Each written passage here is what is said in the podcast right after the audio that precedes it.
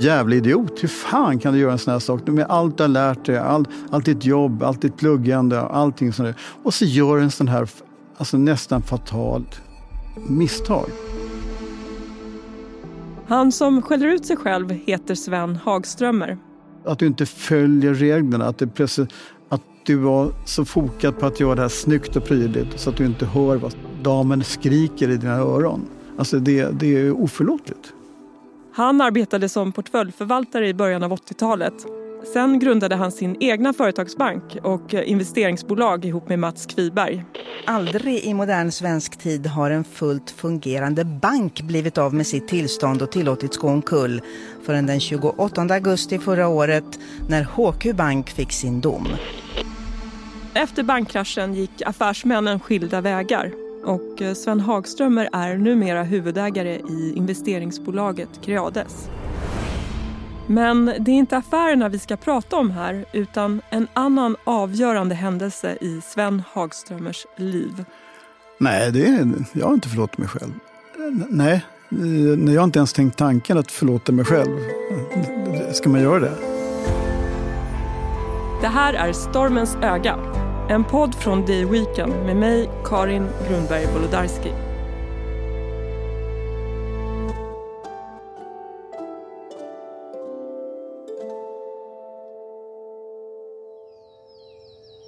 April 2014.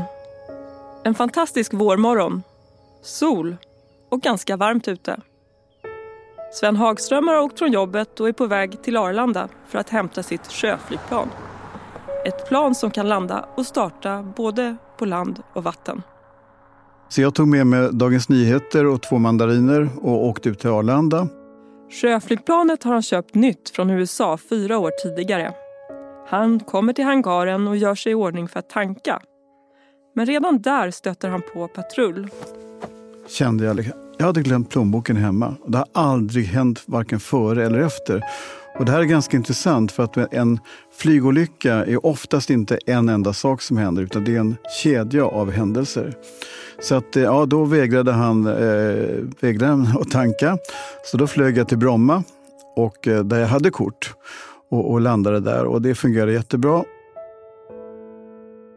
Sven Hagströmer ringer sin fru som är ute på Djurgården och berättar att han kommer flyga över henne inom tio minuter och hälsa med vingarna. Och, och, mycket riktigt, det gjorde jag också. Hon såg mig och då såg hon också att landningsstället var ute. Och hon har sagt till mig att stänga av mobiltelefonen när jag flyger så att jag inte hade någonting som distraherar. Så hon kunde inte göra någonting. Sven fortsätter sin tur ut till ytterskärgården till ön Rödlöga. En ö på dryga kilometern i Norrtälje kommun. Rödlöga är väldigt, väldigt vackert och eh, med den lilla vind som var och, och, så, var det, så kunde jag komma så långt ut i skärgården som möjligt samtidigt som det fanns ett visst skydd om det, vindarna skulle ändras. För jag behöver ju ytor då. Och då vill jag inte vara alltså, någon i innerskärgården utan det här var just en sån tillfälle att passa på då. Och, och, och det, det, det, det här att, att då med planet då 10 minuter, en kvart från Stockholm city så är det ju ödemark egentligen. Alltså det är så fantastiskt att ha en stad, en stad med en, en dryg miljon invånare och så har du rena rama ödemarken ute i skärgården väldigt nära.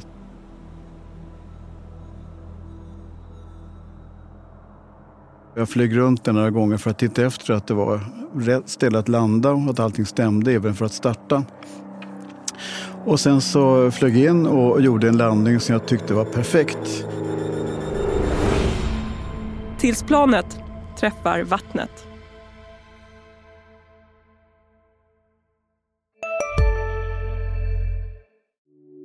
Hej, Ulf Kristersson här. På många sätt är det en mörk tid vi lever i. Men nu tar vi ett stort steg för att göra Sverige till en tryggare och säkrare plats. Sverige är nu medlem i Nato. En för alla, alla för en. Där det finns ett samhälle, där finns det brott.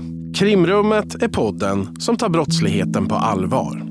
Jag bjuder in landets ledande experter och tar upp aktuella rättegångsfall för att begripliggöra den kriminalitet som kryper allt närmare. Du, alltså, du kan knäcka ett eller några gäng, men det kommer komma nya och så kan vi knäcka dem sen. Men att du ska knäcka allt forever, det kommer aldrig ske. Det är infinite gain. Lyssna på Krimrummet, en podd från Expressen med mig Kim Malmgren.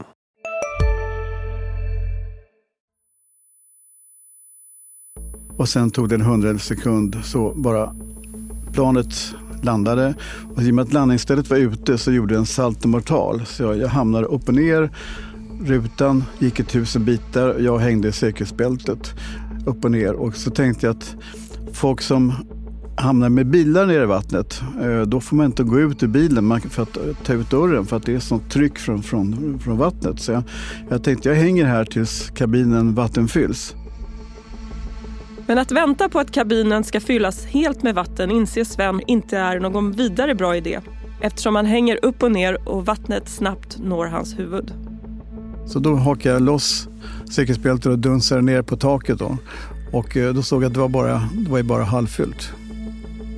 Att öppna dörren visade sig vara lätt i och med att dörrarna var små. Sven Hagströmer simmar upp till ytan och kravlar sig upp på planet. Och då tog jag loss med cykelspältet och simmade upp till ytan. För då hängde planet också i pontonerna upp och ner. Så det var inte så långt.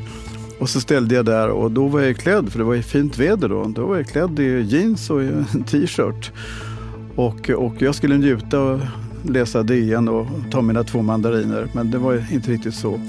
Och, och i och med att planet var upp och ner så det finns ett automatiskt larm också som skickar med antenner på, på ovansidan. Men de nådde inte upp i luften.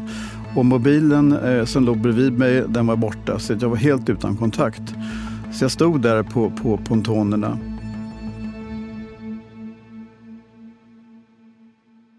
Så där står Sven Hagströmer i en dyblöt t-shirt, jeans och sneakers på sitt plan som ligger upp och ner mitt i den ödsliga fjärden. Det är långt till närmaste ö och runt honom bara vatten. Men han är inte rädd. Överlevnadsinstinkten har kickat in. Sen tänkte jag också att nu gäller det att överleva. Och det är egentligen det minnet som jag har med mig hela vägen. Att liksom, den där sköna känslan att jag ville överleva. Så att man bara lägger sig och dör. Va? Utan det, har hänt rätt så många gånger att just det, det att folk har omkommit. Han börjar huttra.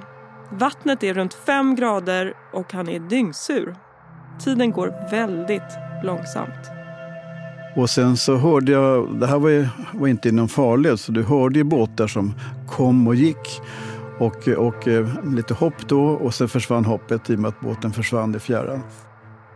Minuterna går och hans överlevnadsinstinkt blandas med en känsla av skam. Jag hade ju en enorm, alltså fylld med alltså, att jag tyckte det här var så fruktansvärt pinsamt. Alltså, så jag förebrådde mig själv. Liksom. Och nu har du räddat livet, nu lever du. Ha, nummer två, det är att förebrå sig själv.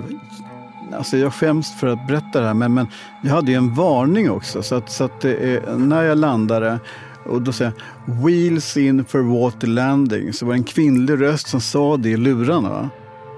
Jag tänkte inte säga dem, det jag, kallar mig själv då, men, men det var inga vänliga saker.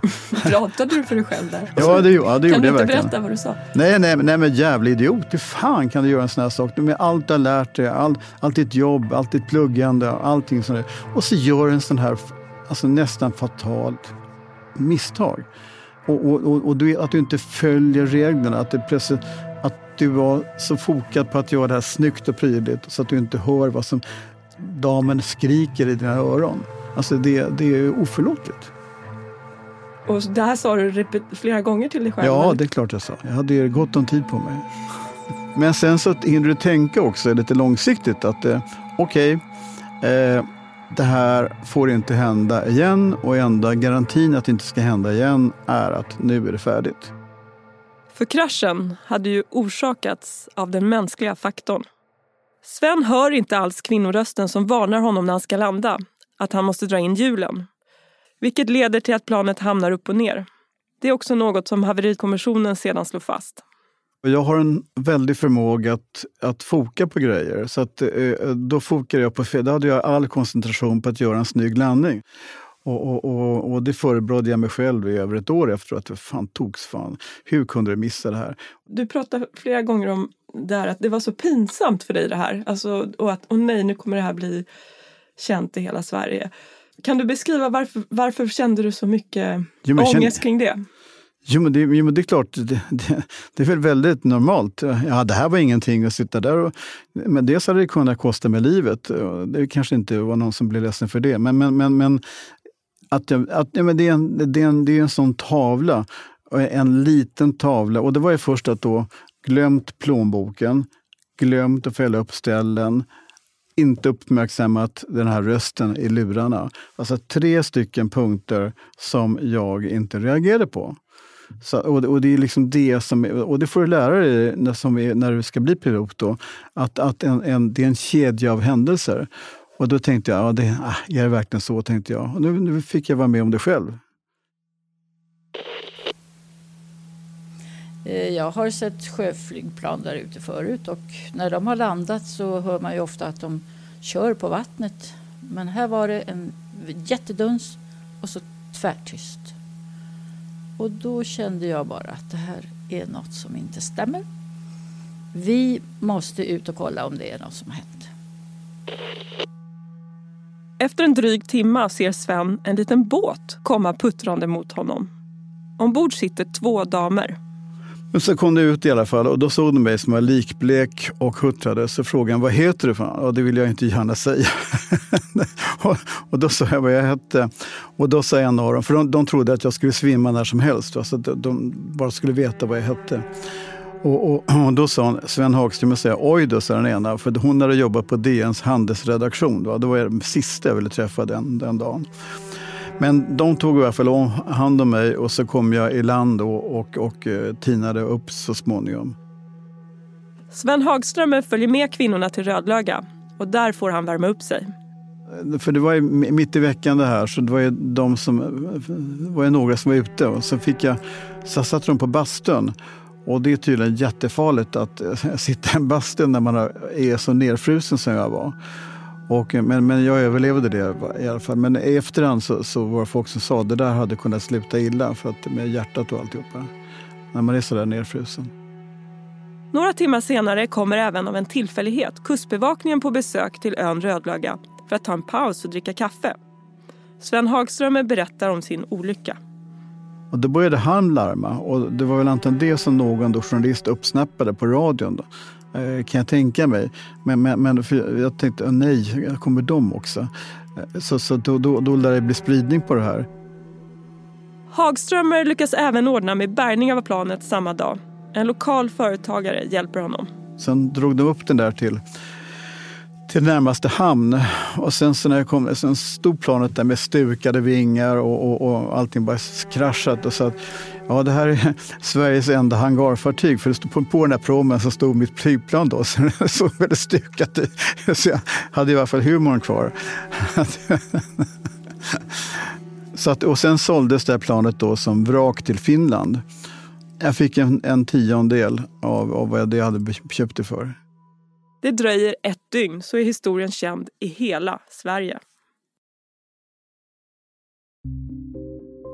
Och sen dagen därpå så skulle jag gå och äta lunch och gick jag förbi en, en tobaksaffär på, på, på, eh, på Stureplan. Och då hade de Expressens löpsedlar där. Då var jag på hela löpsedeln med, med bild och allting. Och då, då skämdes jag som en hund. Va? Liksom så pinsamt. Och, och, eh, och det var den journalisten, Diamant Salihu. Och sen så på lunchen där, när jag gick förbi och såg löpsedeln, då blev jag påmind igen. Och, och, och tänkte, jaha, okej, okay, det här är baksidan av att vara känd. Då. Att, att, eh, ja, men det var, det var, jag tycker det var jättejobbigt. Det var det jobbigaste som jag skrivit som mig i varje fall. Sen någon vecka efteråt så fick jag ett stort jäkla kuvert från Expressen med löpsedel, med bilder och alltihopa. Så att man, han, han förstod att det där var ett minne för livet för mig.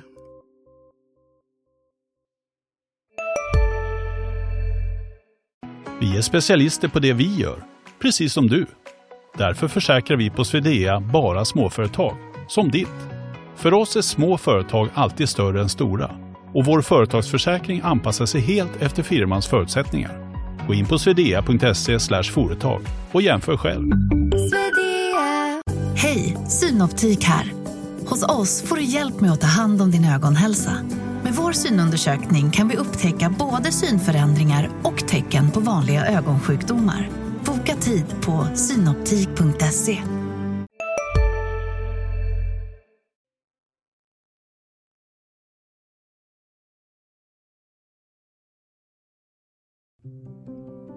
När Sven Hagströmer tänker tillbaka på händelsen är skammen något han återkommer till. Samtidigt så bringar minnena upp en stor portion av nostalgi. Sen så hade jag fått alltså, den här enorma glädjen. Alltså det, vet, ja, men alltså det, på sjön, i luften, i fjällen så är det ju då att den här fria vidderna och, och oändligheten. Och, och, jag satt ju upp och skrek för mig själv när jag flög. Alltså, av, av lycka alltså. Att det, det, det var en sån otrolig frihet. Och, och någonting som man har verkligen har jobbat så hårt för. Eh, eh, eh för att med, hjärnan blir ju inte mer flexibel med åldern. Va? För att flyga, det har alltid varit Sven Hagströmers dröm. Alltså det är något sjukt. Alltså det är allt, som, allt som finns i luften. Alltså det, det, ja, men jag, och jag, jag överdriver inte. När det kommer en helikopter någonting ute på landet, då springer jag ut direkt. Och sen har jag, jag har fortfarande flygradio, jag flyger, följer flygrörelser på, på, på, på nätet och sådana saker. Att ta flygcertifikat hade inneburit hårt slit för affärsmannen som under lektionerna hade varit dubbelt så gammal som sina medelever. Och han gillade verkligen stämningen på Arlanda. Men nu var det alltså slut med det.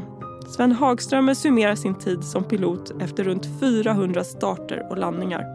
Folk var ju lite förvånade att den här gubben då som dök upp där på proven och så vidare. Men de tyckte jag var gullig och de tyckte jag var gullig i tornet på Arlanda. Och, och, och, så, att, så att de tog i hand om mig. Och det var en gång, det finns någon shejk där som har en stor DC7, tror jag, en jet med, med fyra motorer. Och vi taxade ut då, han framför mig och jag bakom. Och så hörde jag, så hade de råkat ta micken på plutonen. Titta, vilken syn, sa det här stora planet och sen det lilla där. Så, så att de tyckte själva att det var roligt att ha någon sån där privat galning ute på Arlanda. Och sen var det ju så också att, att eh, som jag sa förut också, att, att eh, de, de var de var väldigt vänliga. De, de, alltså jag kände verkligen ett så stort stöd från dem. Va?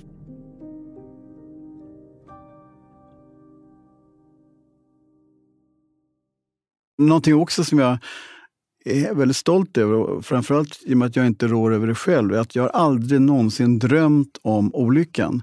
Jag är ute och flyger kanske var fjortonde dag i mina drömmar, men då är, då är det alltså bara roliga saker. Så olyckan den är bortsuddad från mitt... Alltså Freud eh, jag önskar att han levde idag, då hade man frågat varför. Men att jag kan förtränga en sån där förfärlig händelse. Men någon ånger över att han ägnade sig åt sin flyghobby har Sven Hagströmer aldrig känt. Olyckan och uppståndelsen till trots. Det är inte så jante att eh, sätta sig ett plan. Hur tänker du kring det? Nej, ja, det, jag har aldrig tänkt på det. Men, nej, men eh, när, när de får reda på att det här är inte någon grej som nu har jag fått möjlighet, hade jag fått möjlighet ekonomiskt att göra det, men det har varit en dröm sedan jag var 12 år. Och sen så är det en sak som också som har tillkommit här, är då med miljöhänsyn och annat, så kände jag att det var liksom sista spiken i kistan för mig. Att liksom skulle jag komma på idén, ja då har jag nästa grej, ja, det, det är då miljön. Va? Att sitta och, och dundra omkring i en kärra på några hundra hästkrafter och, och, och, och bullra lite grann med framförallt släppa ut avgaser. Det är kanske inte så jättesmart. Så, så att jag har, jag har, jag har ett andra försvarslinje. Va? Om det första skulle försvinna så är det den andra som sätter stopp. Men den främsta känslan Sven Hagströmer bär med sig av olyckan, det är viljan att leva. Som människa så är det en jätteviktig sak och det är att jag vill leva. Att man inte lägger sig och dör. Utan att man reder ut situationen. När man kommit i en besvärlig situation så är det bara att inte fly utan att reda ut den. Och det, och det, det, alltså, så att, ja, men du försöker alltid hitta mening i sånt som är obehagligt. Och, och där hittar jag en mening i det här. Att jag har den kraften att reda ut en kanske en livsavgörande situation. Och, och, den var jag väldigt stolt över, för att den rår jag inte över, för den kom spontant. Va? Det, det kom ju inifrån. Eh, sen, så, sen tänkte jag att nu gäller det bara att överleva, att göra allting rätt här. Nu har jag gjort bort mig, nu är det färdigt med misstagen, nu gäller det att göra allting rätt. Och med lite tur då, de två damerna eh, som, som då kom ut till mig, sen hade ju inte vetat vad som hade hänt. Jag har inte ens tänkt på vad som skulle hända om de inte hade kommit. Du har lyssnat på Stormens öga, en podd från The Weekend med mig, Karin Grundberg Wolodarski. Producent var Viktor Aldén, ljudläggning och mixning Patricio Samuelsson, ansvarig utgivare Peter Fällman. Klippen kommer från Expressen TV.